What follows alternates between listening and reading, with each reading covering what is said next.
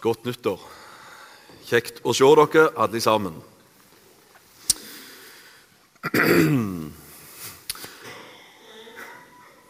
Det var en som skulle prøve å slutte å drikke cola her.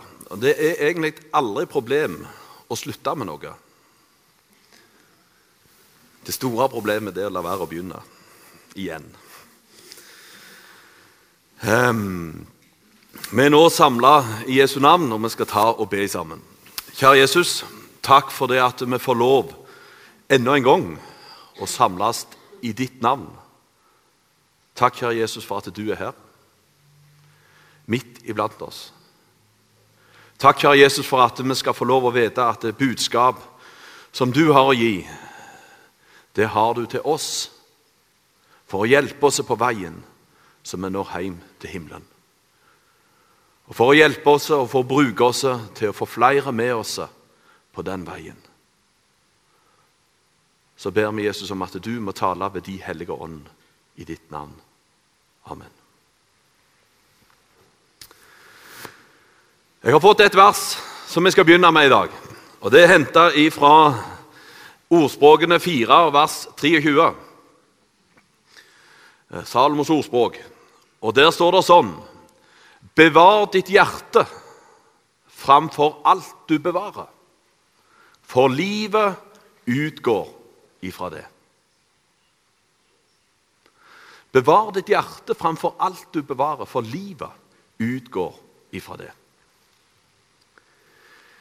Eh, det er mange hjertemedisin og hjertevitaminer, omega-3 og Eh, disse her smør med sånn hjertegodsmør det skal være veldig sunt for hjertet. Og vi ønsker at vi skal ha et friskt og godt hjerte som, som pumper og fungerer sånn som det skal. Dette hjerteforholdet som det her er snakk om, det har lite med vitaminer å gjøre. Men det har med det inderlige hjerteforholdet som en har til Jesus. Temaet som dere har hatt i høst, i Kristus. Hva har du i Kristus? Jo, du har alt. Du har alt det som du trenger for himmel og jord. Det har du i Han. Det forholdet som skapes ved at du får ta imot Jesus og komme i fellesskap med Han, det gjør at det knyttes et hjerteforhold. Det har lite med hodet å gjøre, men det har med hjertet. Og Derfor er nå temaet 'bevar hjertet'. Bevar ditt hjerte framfor alt annet.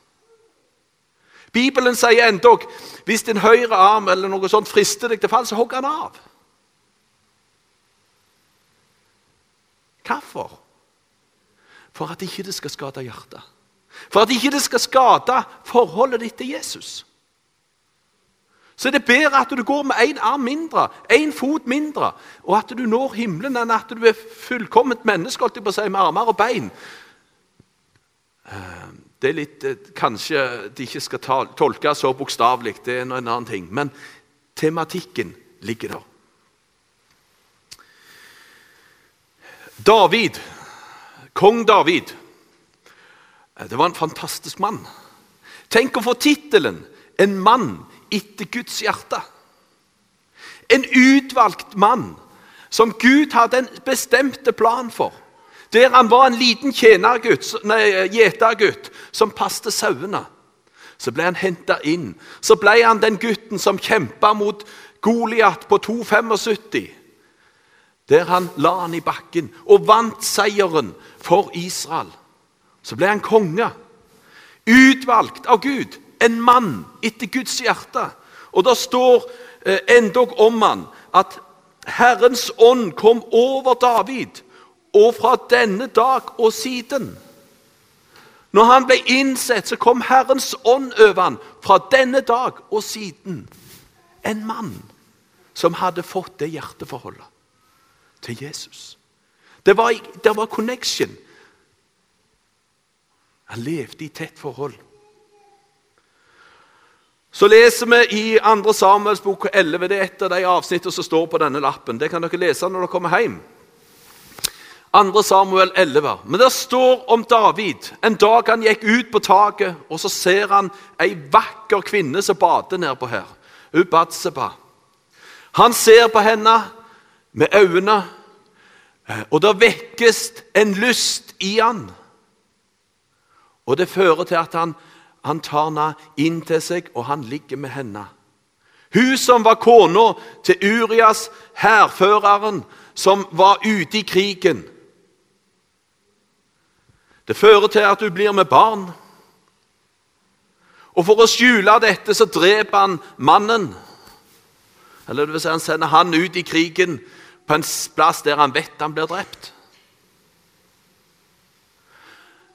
Og det fører til at David kom i en situasjon der han som var en mann etter Guds hjerte Han sier, Vi leser om han, hva han sier om seg sjøl i Salme 32, vers 1 og utover til og med vers 4 skal vi lese i denne omgang.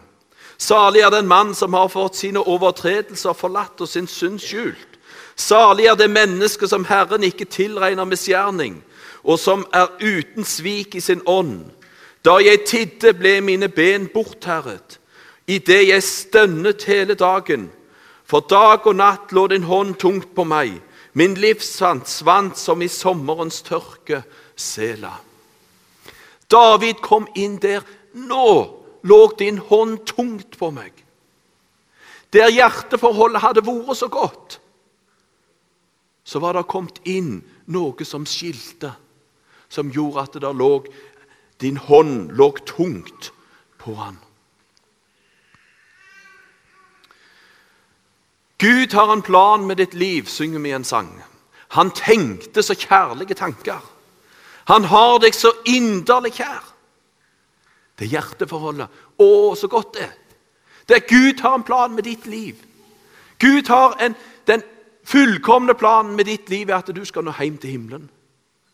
Planen med ditt liv mens du lever med Jesus her på denne jord, er at du skal få flest mulig med deg. Som disippel av Jesus her på jord. Men djevelen har òg en plan med ditt liv. Han har en plan, og det er at du skal gå evig fortapt. Det er hans plan.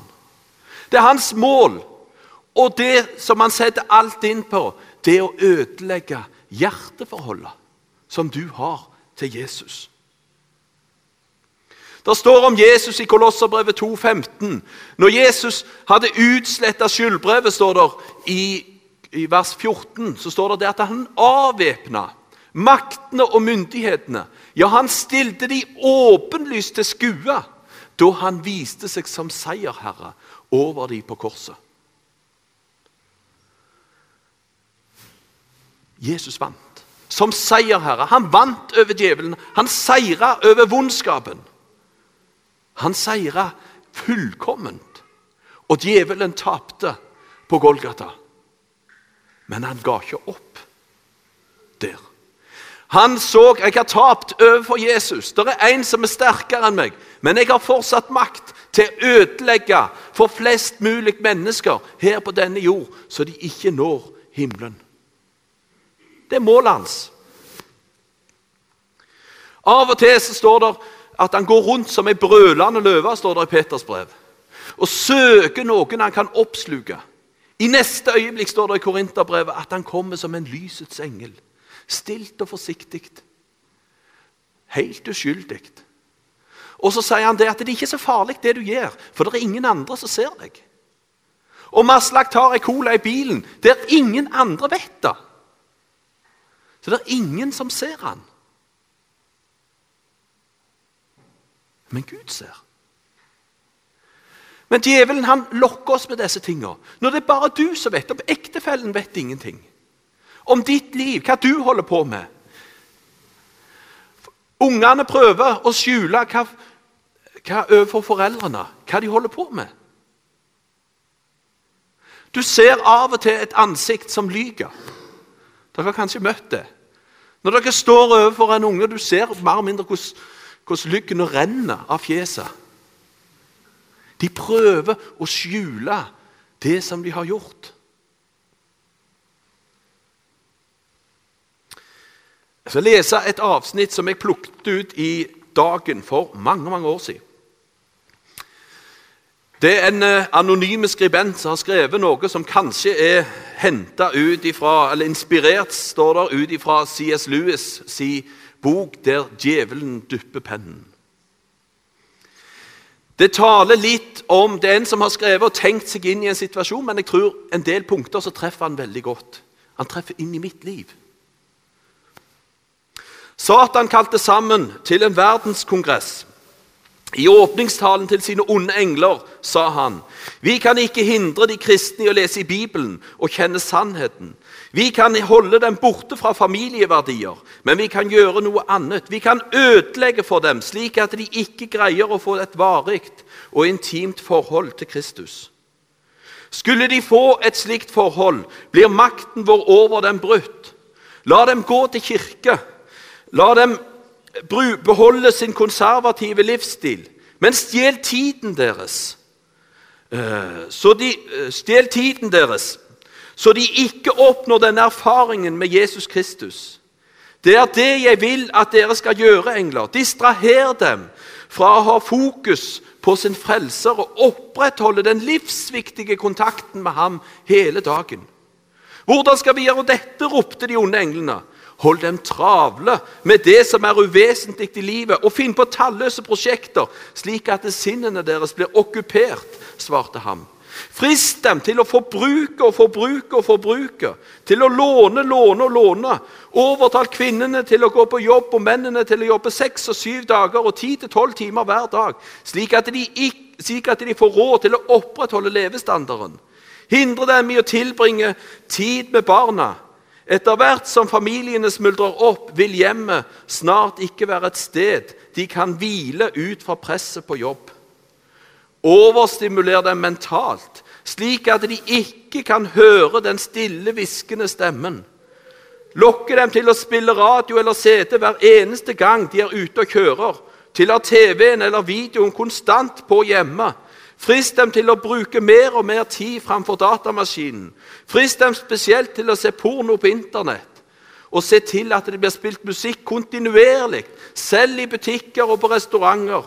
Dette vil blokkere sinnene deres og ødelegge samfunnet med Kristus. Fyll salongbordene deres med, med, magasiner og aviser. Overles sinnene deres med nyheter 24 timer i døgnet. Invader kjøreturene deres med store reklameskilt. Oversvøm postboksene deres med søppelpost og postordrekataloger, nyhetsbrev og promoteringstilbud og gratis lokkeprodukter, tilbud og falske håp. Selv på fritiden må de være travle. La dem komme tilbake fra ferie utslitt, urolige og uopplagte og slipp dem ikke ut i naturen. Send dem til fornøyelsesparker, og idrettsarenaer, konserter og kino isteden. Og når de kommer sammen til åndelig fellesskap, engasjer dem i sladder og overflatesnakk, slik at de går derfra med dårlig samvittighet og følelser i ulaget. La dem gjerne engasjere seg og vinne andre sjeler, men gjør livene deres fullstappede med så mange gode formål at de ikke får tid til å søke kraft fra Kristus.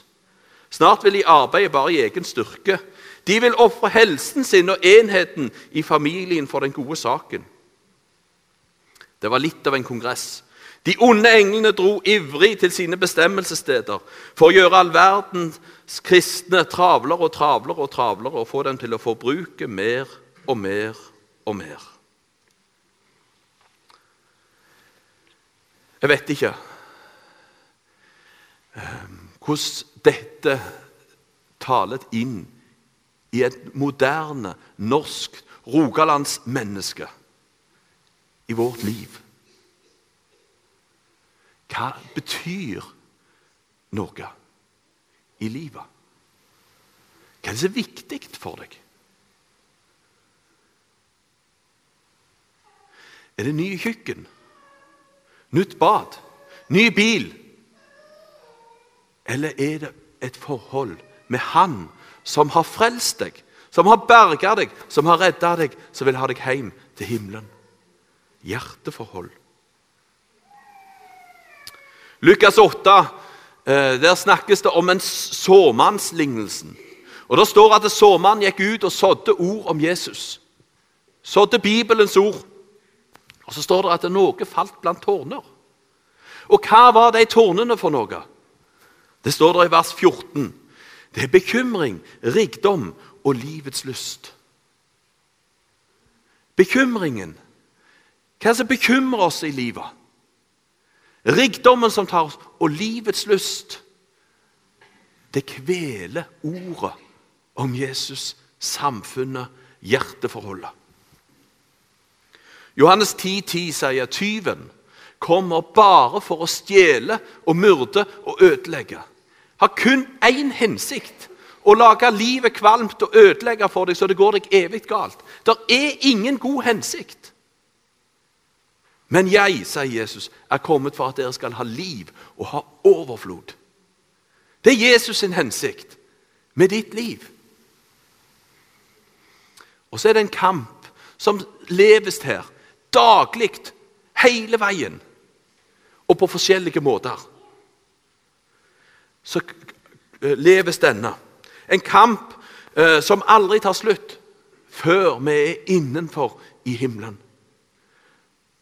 Paulus, på vei til Damaskus, eh, for eh, å ta de som bor i Damaskus, som trodde på Jesus, og sette dem i fengsel. På veien så møter han Gud, han får et syn fra himmelen. Han blir blind, han blir ført inn til gata den rette Judas hus. Der blir han sittende. Så får Ananias, som bor i byen, beskjed fra Gud. Nå må du gå til eh, gata den rette Judas hud, for der sitter der en. Paulus, eller Saulus som han da heter, han sitter og ber. Og så får han en beskjed. Han må ta imot Jesus, for da skal livet bli herlig. Alt blir bra. Nei, han får et merkelig beskjed, for det står 'Jeg skal vise han hvor mye han må lide for mitt navns skyld'. Fikk Paulus som beskjed. En kamp, en lidelse, med å stå. Men det er et hjerteforhold med Han som har berget oss for himmelen. Så står dette nye livet når du tok imot Jesus, om noen er i Kristus, da er han en ny skapning. Det gamle er forbi. Se, alt er blitt nytt. Og så står det eh, om et nytt liv, men vi har en gammel natur som, som djevelen vet å hykke tak i. Så står vi mellom de to. Den gamle og den nye natur. Vi lærte på bibelskolen den gamle, den, de to ulvene som slåss om livet vårt om makta og herredømmet i ditt liv, om hjerteforholdet. Og så er det den som en fòrer, den som en gir mest mat, den vinner kampen og seieren i ditt liv. Hvor gir du mat henne? Hvem fôrer du i ditt liv? Fôrer du han som er det nye livet, Jesus, han som har gitt deg sitt ord, som har frelst deg, som har berga deg? som har bare godhet og miskunnhet, vil han gi deg. Han som har alt å gi, som gir et hjerteforhold, et kjærlighetsforhold. Jeg er gift med Marianne, den fineste kona på hele jord. Ehm, hun ønsker jeg å tilbringe mest mulig tid i sammen med. Jeg elsker henne overalt. Men det hadde vært merkelig hvis jeg tilbringt, ikke tilbringte tid med hun, kun med alle andre damer rundt omkring. Da ville det bli et eller annet merkelig forhold mellom meg og hun. Og sånn er det med det hjerteforholdet med Jesus. Der du lever i lag med han. Du må tilbringe tid i lag med Jesus. Efeserbrevet 6. Eh, der står det Paulus brev til feserne. Der snakker han om, eh, eh, om rustningen som en kristen har fått. Det står i vers 11.: Ta på Guds fulle rustning, så dere kan holde stand mot djevelens listige angrep. For vi er ikke kamp mot kjøtt og blod, men mot maktene, mot myndighetene, mot verdens herskere i dette mørket mot ondskapens ånde her i himmelrommet. Ta derfor Guds fulle rustning på, så dere kan gjøre motstand på den onde dag og bli stående etter å ha overvunnet alt. Stå da ombundet med sannhetens belte om livet, iført rettferdighetens brynje og ha som sko på føttene den beredskap som fredens evangelium gir. Og grip fremfor alt troens skjold, så dere kan slokke alle den ondes brennende piler med. Ta frelsens hjelm og åndens sverd, som er Guds ord, og be til enhver tid i ånden. Jeg er oppvokst på Bø på Randaberg. Eh, jeg eh, i en kristen familie ble tatt med på møte for å lære Jesus å kjenne som liten gutt. Jeg begynte på skolen på Randaberg, og der var vi 20 stykk, eh, nei, var 30 stykk i klassen. og 20 stykk av de 30 kom fra kristne heimer. Eh, gikk i et beskytta miljø på bedehus i Yngres osv. Eh, begynte på en kristen videregående skole på Sørlandet som heter Drottningborg. og Gikk der i tre år. Og Så begynte jeg på bibelskole og så begynte jeg å reise i misjonen. Og så tenker dere hjelp meg, jeg har aldri prøvd noen ting i livet. Det hadde jeg heller ikke. Jeg eh, hadde levd livet sånn, og så kom jeg i militæret som min første dag utenfor bobla. Og så møter jeg i Horten, eh, på, på stasjonen der vi går i kø hele dagen. Og De guttene som er der, er jo like nervøse, hele gjengen. Og de har fire ord, eller tre eller fire ord som de bruker. da. Det, er de banneordene de kunne, som ble lettest å ta på munnen. De gikk igjen hele dagen og hvor forferdelig det var å komme i militæret. Hvor forferdelig var det stå kø, helsesjekk og alt dette her. Den natta jeg la meg på Polærne fort midt ute i Oslofjorden på brakka sammen med de fire, han fra Gudbrandsdalen, han fra tjukkeste Oslo og han Grimstad-gutten og meg, så la jeg meg, og så ble det stilt. Og så sovna jeg, og så bandes det hele natta. Jeg tror ikke jeg har tatt så mange banneord i søvne i min munn noen gang som jeg gjorde den natta. Det, det sveiv alt. Og så tenkte jeg hvor i all verden skal dette gå? Og så våkner jeg morgenen etterpå. Og så ligger Bibelen min der. Jeg hadde tok den opp, for det hadde jeg lært at vi måtte vise Bibelen. Det første vi gjorde når vi kom inn, så de visste hvem vi var. Og Så leser jeg ifra Salmene kapittel 5 og vers 13, eh, tror jeg det. Der står det Som et skjold dekker han deg med nåde. Som et skjold dekker han deg med nåde. Så var jeg dekka av han, av hans nåde. Jeg tro jeg var jubla. Jeg tror mest jeg sa halleluja, selv om jeg er en innbarka sambandsmann. For det, det, var altså Det var noe som bobla. Tenk at jeg er omgitt av Jesus. I Han har jeg alt jeg trenger. Og så ble det der jeg fikk min trøst hele det året. Og etter den tid, for så vidt før den tid, det som Jesus har sagt. Guds fulle rustning, ikle dere Jesus med Han, i Hans ord. Og Det er derfor bibellesning, som har vært sagt her ehm, Ikke fordi at dere skal få stjerner i boka, fordi at dere skal bli perfekte. Nå har jeg så mange, jeg har lest så mye, jeg har fått så mange stjerner. Yes! Nei, fordi du skal få møte Jesus. Fordi at du skal være omsluttet av han, hans omsorg. Det var en, eh, en eh, forkynner, to gamle forkynnere. De er døde for mange mange år siden. Han ene var døveprest i Stavanger og het Maurits Andreas Brekke. Den andre heter Per Nordsletten. Eh, har, begge har skrevet noen sanger. Hvis dere ser denne sangboka eh, som, som, er, så står det noen sanger av dem. Eh, men iallfall så var de hadde møter sammen en plass. Så var de på, på, lå de på ei hytte uten lys. Dette her var jo forrige, eller to-tre århundrer siden. Og så så, så, de, så de der på den hytta, de to. Eller det vil si, de lå og sov. Og så våkner Brekke av at Nordsletten sitter og leser høyt i Bibelen. Akkurat i det der sånn grålysning som kommer inn, så det er såpass lys at han kunne klare å lese i Bibelen. Og så spør Brekke hvorfor i all verden sitter du og leser i Bibelen så tidlig på morgenen. Så sier Nordsletten jo, fordi at djevelen kom til meg i natt og så sa han det, du kan ikke være en kristen, du, sa han. Sånn som du er. Sånn som du oppfører deg.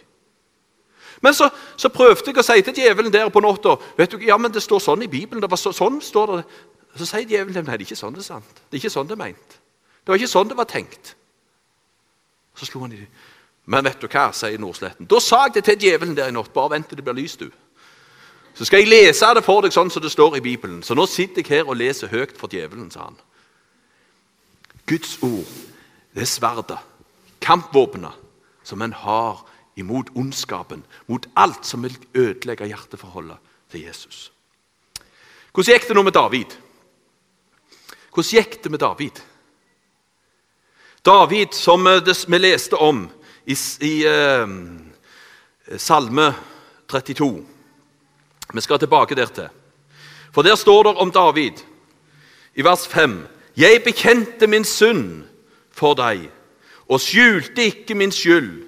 Jeg sa, jeg vil bekjenne mine misgjerninger for Herren, og du tok bort min syndeskyld. Det gikk galt. Og som Edvin her sier, i, i, det går galt. I livet så kom David. Han fikk besøk av en mann som sa han, det er galt, det du gjør. Du er mannen som skal dø, sier Nathan til han. Og så blir det en forandring. Han gikk til Jesus med det. Sa akkurat som det var. Og så er nåden så fullkommen. Og så var det et vers jeg hørte nå nylig. Jeg har aldri lest det før. Ehm, jeg må ærlig innrømme det. Jeg, det ja, ja, jeg skal ikke si jeg ikke har lest det, men jeg har aldri sett det før. For det står om David. Jeg synes det var helt, Når du, du kjenner historien hans, og du leser første kongebok, kapittel 14, og vers 8, så står det Jeg har revet riket fra Davids hus og gitt det til deg, altså en ny konge. Men du har ikke vært som min tjener David. Og hør nå hva Gud sier om David. Han sier «Eh, Han som holdt mine bud og fulgte meg av hele sitt hjerte Og hør den setningen som kommer nå. Så han ikke gjorde annet enn det som var rett i mine øyne. Hørte dere det? Og ikke gjorde annet enn det som var rett i mine øyne. Hvordan i all verden kan det stå når David hadde gjort de gjerningene som han hadde gjort? Når vi kjenner det, alle var kjent for alle, hvordan kunne det da stå? Nå snakker vi. Den fullkomne tilgivelse, nåde, som er i Kristus. Der, der er det så tilgitt at det er glemt. Det, det, det, det, er, ikke, er ikke skjedd. I Han. Derfor ligger hjerteforholdet her så fullkomment.